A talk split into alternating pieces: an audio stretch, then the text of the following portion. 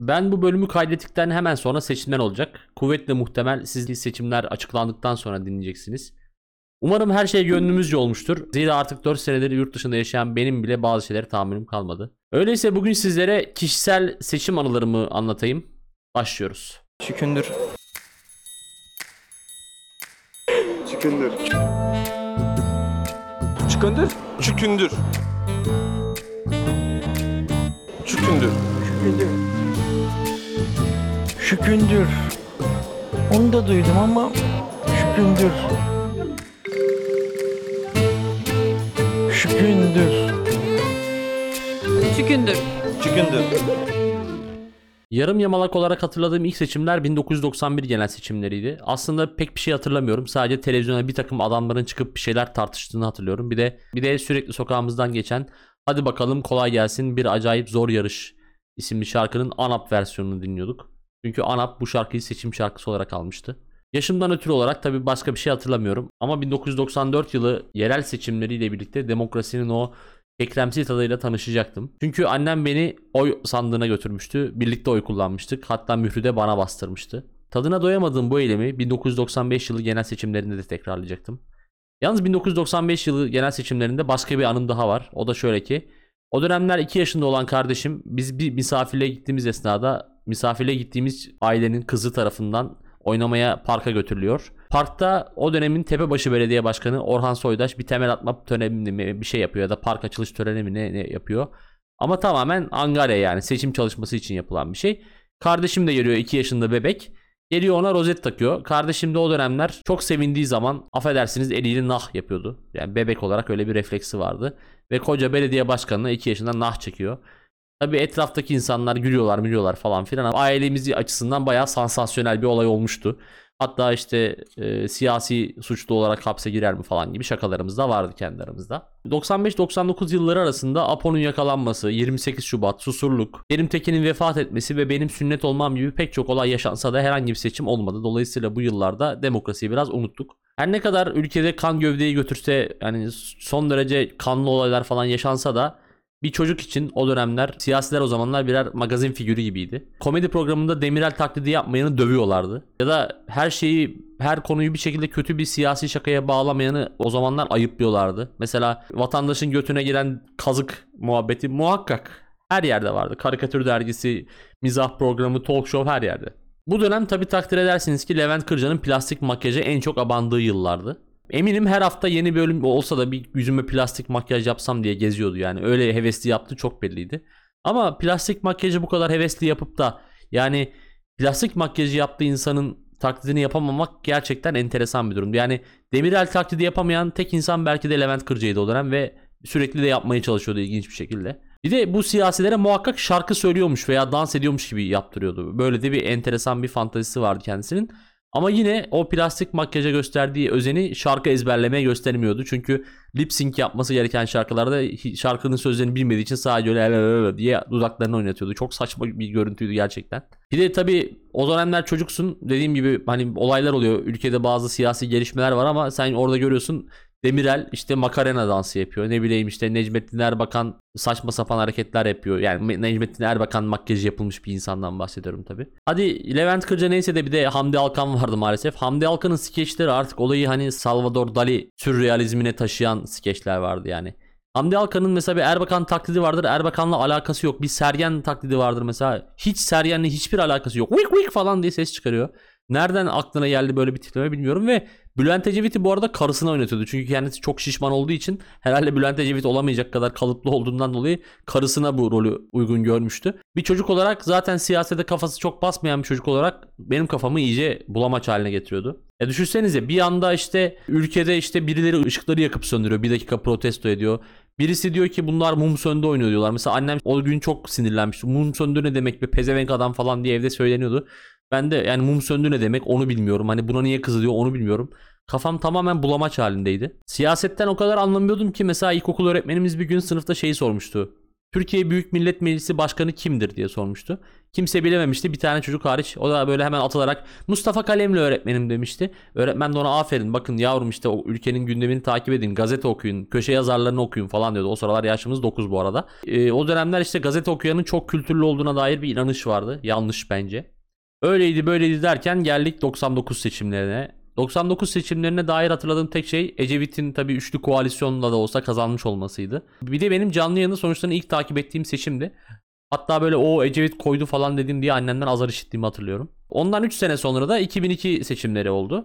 Maalesef olmaz olası lanet seçimler. Tabii bu seçimlerin kazananı maalesef belli. Hepimizin malumu. Ama bence gönüllerin şampiyonu hiç kimsenin tahmin etmediği bir insandı. O da tabii ki Cem Uzan ve Genç Parti. Tüm mitinglerinde bedava İbrahim Tatlıses konseri verdirmesi, ekmek arası döner dağıtması, Şampiyonlar Ligi maçlarının devre aralarında konuşması, siyasi kariyerinden önce dağıtmış olduğu bedava Pringles'lar Star gazetesiyle hepiniz biliyorsunuzdur. Shakira'yı Türkiye'ye getirmesi, eş seçimi, dış görünüşü, motor olayı dolandırması ve hani Galatasaray'a yaptığı katkılar, İstanbul Spor'u satın alması falan bence inanılmaz bir figür. Ve o zamanlarda gerçekten böyle adama hayret ediyorum ya adam gerçekten Şampiyonlar Ligi'ni alıp devre arasında konuşma yapabiliyordu. Hatta yani yaptığı son kıyakta bunu kimse bilmez, kimse hatırlamaz. Şifreli Teleon kanalında erotik yayınları Ramazan ayı boyunca şifresiz yapmıştı. Fakir fukara sebeplensin diye. Ve sırf bu yüzden Kral TV ve Teleon 28 gün kapatma cezası almıştı. Maalesef Cem Uzan kazanamadı. Neyse tadımız kaçmasın diyor. 2004 yerel seçimlerine giriyoruz. 2004 yerel seçimleri benim ergen olduğum ve Türkiye'nin şimdiki kadar kutuplaşmadığı dönemlere denk geliyor.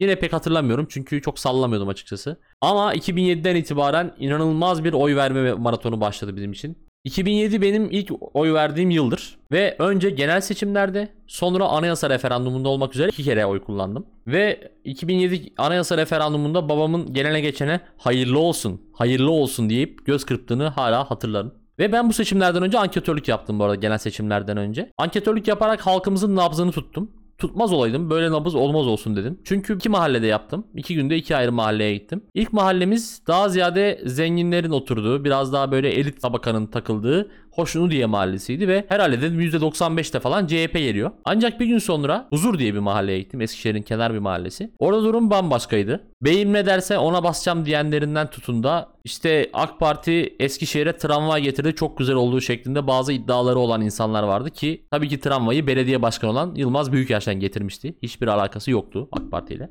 Halkımız olan bu kısa yüzleşme ve aldığımız seçim mağlubiyetinden sonra 2009 yerel seçimleriyle yüzler biraz güldü. Zaten bir Eskişehir olarak genel seçimde üzüldük, yerel seçimde sevindik bu periyotta. 12 Eylül 2010'da ise yine bir anayasa referandumu yapıldı. Bir gün önce Kerem Tunçer'in harika turnikesiyle Sırbistan'ı eleyip finale çıkmış olmanın coşkusu bir gün sonra Kevin Durant ve referandum sonuçlarıyla birlikte sıfırlandı. Bu darbe yetmezmiş gibi bir tokatta 2011 genel seçimlerinde geldi. Hemen bir sene sonra. Bakın daha 5 sene geçti ve biz 6-7 kere oy kullandık bu periyotta. Bu arada 2009'dan itibaren de evimizin yakınlarında olan bir boş bir dükkan var. Orası her sene AKP seçim bürosu oldu. Ve ben her yürüdüğümde oradan dönemin koşullarına göre bir daha bir daha dombra mombra her şeyi dinlemiş olduk. Öyleydi böyleydi derken geldik 2014 yerel seçimlerine. Bu 2014 seçimleri benim için biraz özel. Çünkü babam sandık müşahitiydi ama muhtar adına. Çünkü muhtarımız arkadaşıydı. Ve hani çok büyük hazırlıklar yapıldı. İşte sen şu sandığa gidersin ben bu sandığa giderim falan filan. Hazır müşahit olmuşken bari dedi büyük her şeyin de müşahitliğini yapayım. Öyle olunca da bizim minibüsümüz olduğu için parti teşkilatından etli pilav gönderilmiş.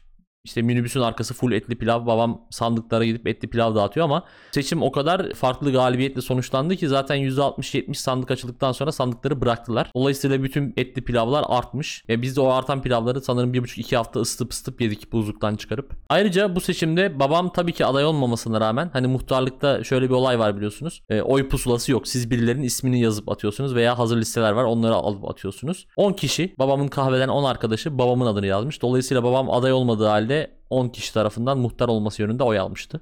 Gördüğünüz gibi bu seçimde hem bir galibiyetle ayrılındı, hem mizah kazandı, hem etli pilav kazanıldı. Ancak bu babamın maalesef oy kullandığı son seçimdi. Zira 3 hafta kadar sonra vefat etti. Hatta kendisinin içinde olduğu son fotoğrafta seçim günü sandığa gelen Yılmaz Büyükerşen'le. Sanki bu darbe yetmiyormuş gibi bir de 2014 Cumhurbaşkanlığı seçimlerinde bir darbe aldık. Bir de Ekmelettin İhsanoğlu diye bir adam vardı işte. Susuyorum artık ona yorum yapmayacağım. Derken bir sene sonra bu sefer 2015 genel seçimleri oldu. Artık demokrasiye doymuştuk. Ya emin olun eve şeye falan gelmiyordu ya artık. Hani seçmen kağıdını falan gidip almıyorduk. Zaten oy vereceğimiz yer belli. Sandık falan aynı duruyor. Sadece görevliler değişiyordu. Yani bakmıyorduk bile var mı yok mu adımız falan diye. Ve 2015 seçimlerinden sonra hükümet oluşturulamadı hatırlıyorsunuz. Sonra 3 ay süren bir e, terör ve kaos dönemi başladı. Tesadüfe bakın. Neyse 3 ay sonra e, istikrar sağlandı diyelim. Yani öyle diyelim. Daha sonra ben askere gittim. Askere gittim iyi oldu çünkü bayağı bir demokrasiye doymuştum artık. Hani biraz ara vermek iyi geldi. Ama tabii bu ara fazla sürmedi çünkü döndüm.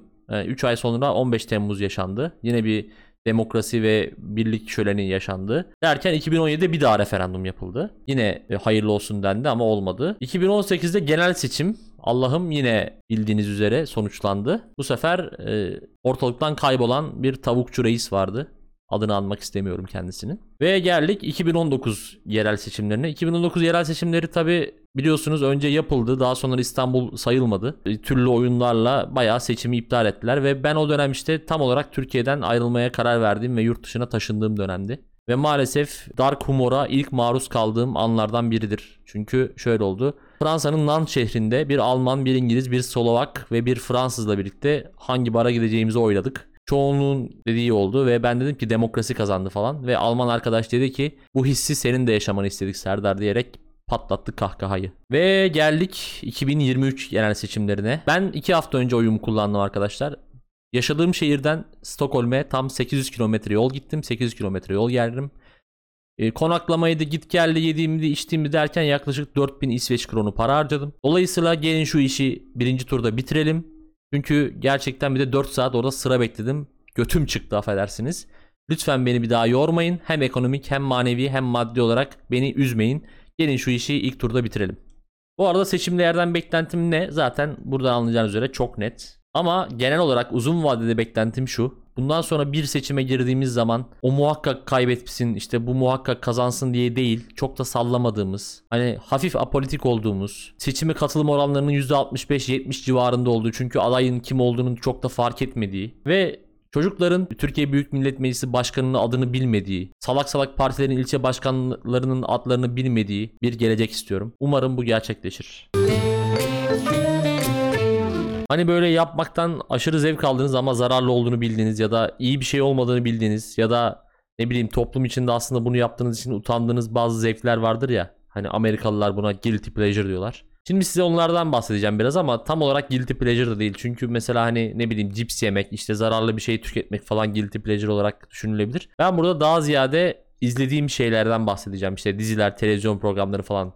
Bu anlatacağım şeyler aşırı kötü, aşırı kalitesiz ama bir türlü de ekran başından kalkamadığım, zımbalanmış gibi izlediğim e, çeşitli yapımlar. Bana bu hissi veren ilk yapımlar podcast'in ilk bölümünde de bahsettiğim Cem Uzan tarafından hayatımıza sokulan eserlerdir. Bölümde de bahsettiğim gibi Türkiye'ye Şakire'ye getiren, İstanbul Spor'u getiren, Galatasaray'a Jardel'i alan, gençler müzik dinlesin diye Kral TV'yi kuran, yetmeyip bir de Erol Köse'ye prodüksiyon şirketi açan falan bir insan tabii ki e, dizi ve sinema sektörüne de el atacaktı. O dönemler özellikle Show TV ve Kanal D hemen hemen her akşam en olmadı iki akşamda bir Kemal Sunal filmi yayınlarlardı. Yemuzan bu filmleri çok yayınlamak istemiş ancak haklarını satın alamamış.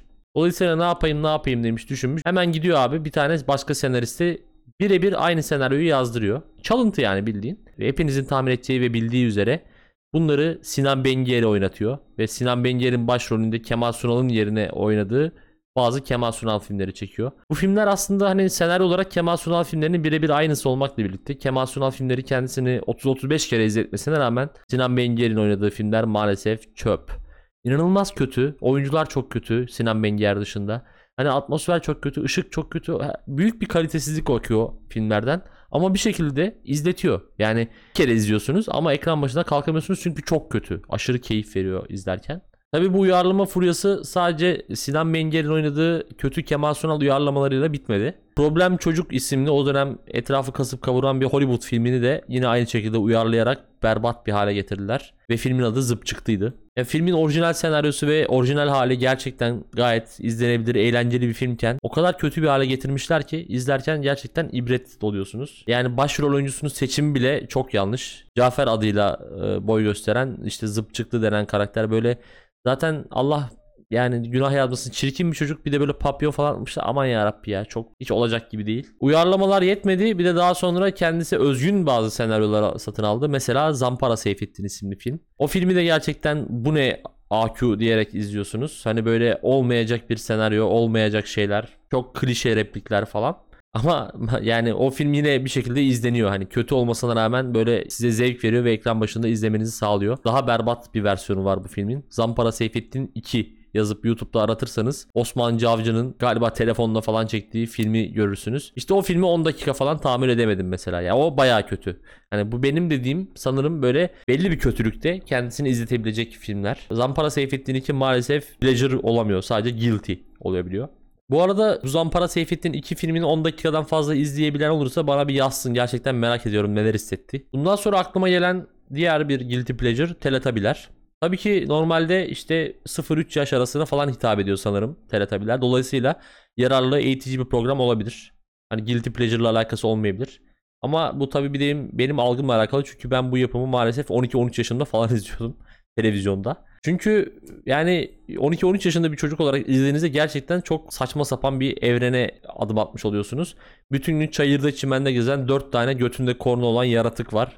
Durup durup birbirlerine sarılıyorlar. Aa öyle miymiş? Eee falan diye her şeye şaşırıyorlar. Ya tabii ki çocuk programı yani muhakkak şaşırmaları lazım. Ama bilmiyorum yani biz de Susam Sokağı'yla büyüdük öyle değildi. Bir de bu elektrik süpürgesi var o geziniyor falan böyle saçma sapan hareketler. Ama en çok tav olduğum sahneler bu teletabilerin herhangi birinin göbeğinde şey yapıyorlardı abi. Televizyon izliyorlardı. Bir anda göbeklerindeki ekrana bir şeyler geliyor gayipten bir şekilde ve daha sonra onu izliyorlar. İzlediklerini anlamıyorlar ve bir daha izliyorlardı. Gerçekten çok kötüydü. Yani tabii ki belki dediğim gibi o yaş grubuna göre iyiydi ama benim yaş grubuma göre göre kötüydü. Benim izlememem gerekiyordu belki de onu. Ama bir şekilde beni ekrana bağlıyordu. Ben ne zaman ekranda teletabiler görsem kanalı değiştiremiyordum. Bu konuda bir başka efsane de Saadettin Teksoy'dur. Üstad saçmalama işini öyle profesyonelce, öyle ustalıkla yapıyordu ki insan izlerken elini uzaktan kumandaya bile götüremiyordu. Sorarım size ey dinleyenler. Hanginiz bir köy dolusu adamı bir mağaraya götürüp bu mağaraya girenin saçı çıkıyor falan filan diye bir efsane uydurup bütün köylülerin bu minvalde konuşması için ikna edip daha sonra da bir köy dolusu adamı mağarada saçım benim saçım benim dökülüyor saçım benim girdim Keloğlan mağarasına gür çıkar saçım benim tarak tutar başım benim dedirtebilir. Eğer Saadettin Teksoy bu mistik güçlerini bu ikna kabiliyetini kötü emellere alet etseydi gerçekten dünyamız yaşanmaz bir yere haline gelebilirdi. Ama o ne yaptı? Parasını kazandı yoluna baktı. Daha fazla kendisini ortamlara sokmadı. Bir sonraki yapımımız aslında bir tane olarak yola çıkan ancak tuttuktan sonra bir janra haline alan yani pek çok örneğinin çıktığı bir yapım Sır Kapısı. Sır Kapısı'nı belki siz Sırlar Dünyası olarak biliyor olabilirsiniz ama Sır Kapısı STV'nin daha hardcore İslamcı olduğu yıllarda ortaya çıkmış versiyonu iken Sırlar Dünyası daha böyle hani FETÖ'cülerin o dönem işte dinler, dinler arası diyalog zarsurt falan muhabbetlerine girip biraz daha yumuşadığı, liberalleştiği yıllara denk gelen adıdır. Sır Kapısı bölümleri gerçekten çok hardcore senaryoludur bu arada. Şöyle ki yani mesela işte sır kapısında diyelim ki başörtülü geriline zulmeden kaynananın kafası koparken sırlar dünyasında başörtülü geriline zulmeden kaynana atıyorum grip olur gibi. Tabi bu yapımın tutmasında bir de Reha Yeprem faktörü var. Kendisi işte eski manken sanırım bazı madde kullanımlarından uzaklaşmak adına dine yöneldikten sonra bir de cemaate bulaşmış bir insan. Tabi günahını almayayım. Bende böyle bilgi yok sadece tahminim. Bu yakışıklı sunucuyla birlikte Türkiye'de popüler oldu. Ve dediğim gibi bir janraya dönüştü. Bu janrların diğer örnekleri Kanal 7'de Kalp Gözü, Flash TV'de Sırlar Alemi, TGRT'de 6. His, Show TV'de Gizli Dünyalar adıyla pek çok manevi ibret saçan yapımlara dönüştü. Türk halkı artık her gece ibret alıyordu herhangi bir kanaldan. İbret üstüne ibret geliyordu. Kimse başörtülü gelinine zulmetmiyor. Kimse uyuşturucu almak için babaannesinin kolundaki bilezikleri sökmüyor. Kimse garibanın hakkına girmiyordu. Bu arada ben o dönem gerçekten çok dindardım. Yani 5 vakit namaz kılıyordum. Şimdiki halimle alakam yoktu. Ama o halimle bile bana bu ne AQ dedirten yapımlardı. Gerçekten senaryolar aşırı saçmaydı. Sanki böyle bir dünyada işleyen bir adalet mekanizması varmış hissi falan vermeye çalışıyordu ama tabii ki asla yoktu. Bunu herkes biliyordu yani. Ama maalesef işte ne kadar saçma olduğunun farkında olsam da ben az önce bahsettiğim bütün yapımların hepsini tek tek izliyordum. Bana böyle kötü bir tat veriyordu. Ağzımdaki o ekşi tadı çok seviyordum. Peki bu janrının sonunu kim getirdi dersiniz? Az önce bahsettiğim kral getirdi. Saadettin Teksoy. Çünkü Saadettin Teksoy Star TV'de Sırların Efendisi diye bir programa imza attı. Ve daha sonra herhalde e, ibret taşını kırdı. Bundan sonra kimse ibret veremeyecek dedi ve bu janra ortadan kalktı. TTV'de daha sonra bu e, başka bir formata geçti. 5. boyut diye meleklerin dünyaya falan ziyaret ettiği bir e, yapıma geçti ama ben onu izlemedim. Bu arada Saadettin Teksoy'la Sırlar Dünyası gerçekten çok absürttü. Çünkü hem ibret veriyordu. İbreti verdikten sonra Saadettin Teksoy çıkıp bölümün mesajını veriyordu insanlara. Şöyle bir bölümü hatırlıyorum. Gerçekten gülmekten altıma işeyecektim neredeyse. Fakir bir aile var. Fakir bir ailenin işte babası hak yemediği için çok gururlu ama bir yandan zenginler var. İşte zenginler sürekli hak yiyorlar. Daha sonra zenginler tabii ki yarrağı yiyor affedersiniz. Fakirler ise çok gururlular. Fakirler inanılmaz gururlular ve bölümün sonunda fakir ailenin kapısı çalıyor. Ailenin çocuğu gidip kapıyı açıyor. Kapıda böyle bir sis bulutu var. Sonra sis bulutunun içinden bir oyuncak araba içeri doğru giriyor. Daha sonra çocuk aa oyuncak araba diye arabanın peşinden koşuyor. Ve bir de bakıyoruz ki dumanların arasından Saadet'in Teksoy geliyor. Elinde ne var? Uzaktan kumanda. Arabayı uzaktan kumandayla kontrol ediyormuş ve elinde uzaktan kumandayla bu arada bölümün mesajını veriyordu. E işte zenginler böyle maldır. Halbuki fakir ve gururlu olursanız böyle böyle olur falan diye. O robotsu sesiyle ibretini veriyordu bölümün.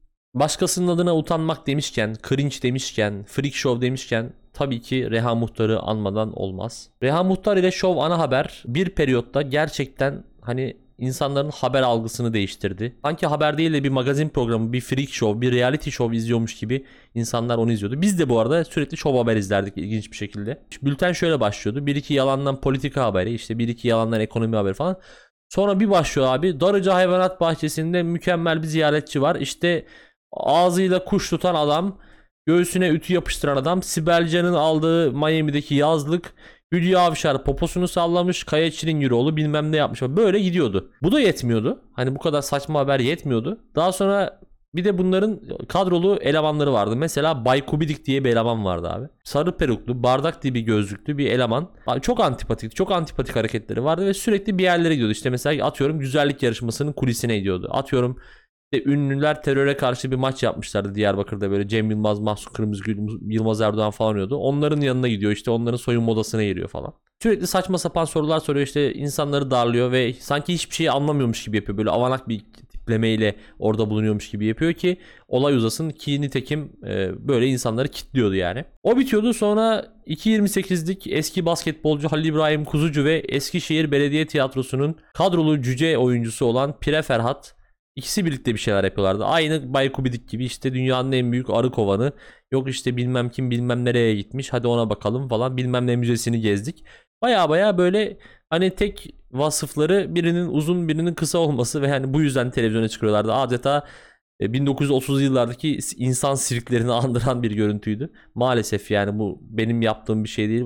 Böyle bir kontrastla şey yapıyorlardı. izleyici toplamaya çalışıyorlardı sanırım. O bitiyordu bu sefer e, komik video gösteriyorlardı ve komik videoları Ömür Varol ile Ozan Deprem isimli iki yine antipatik şahıs yorumluyorlardı ve sürekli Ömürüm, Ozanım, Ömürüm, Ozanım diye konuşuyorlardı. İşte kedi düşüyor mesela. Ömürüm sence bu kedi ölür mü? Ozanım bence bu kedi ölmez. Çünkü onlar dokuz canlı falan gibi böyle böyle 10-11 yaşında bir insanı bile utançtan yerin dibine sokacak performanslar sergiliyorlardı ama maalesef yine kanalı değiştiremiyorduk. Böyle göz sabit bir şekilde izliyordum. Bu arada bu bahsettiğim işte Bay Kubidik'ti, Halil İbrahim'di bilmem neydi falan bunların hepsi en az 10'ar dakikalık videolar. Yani baktığınız zaman haber bülteninin 45-50 dakikası sırf Lagalugo'dan ibaret.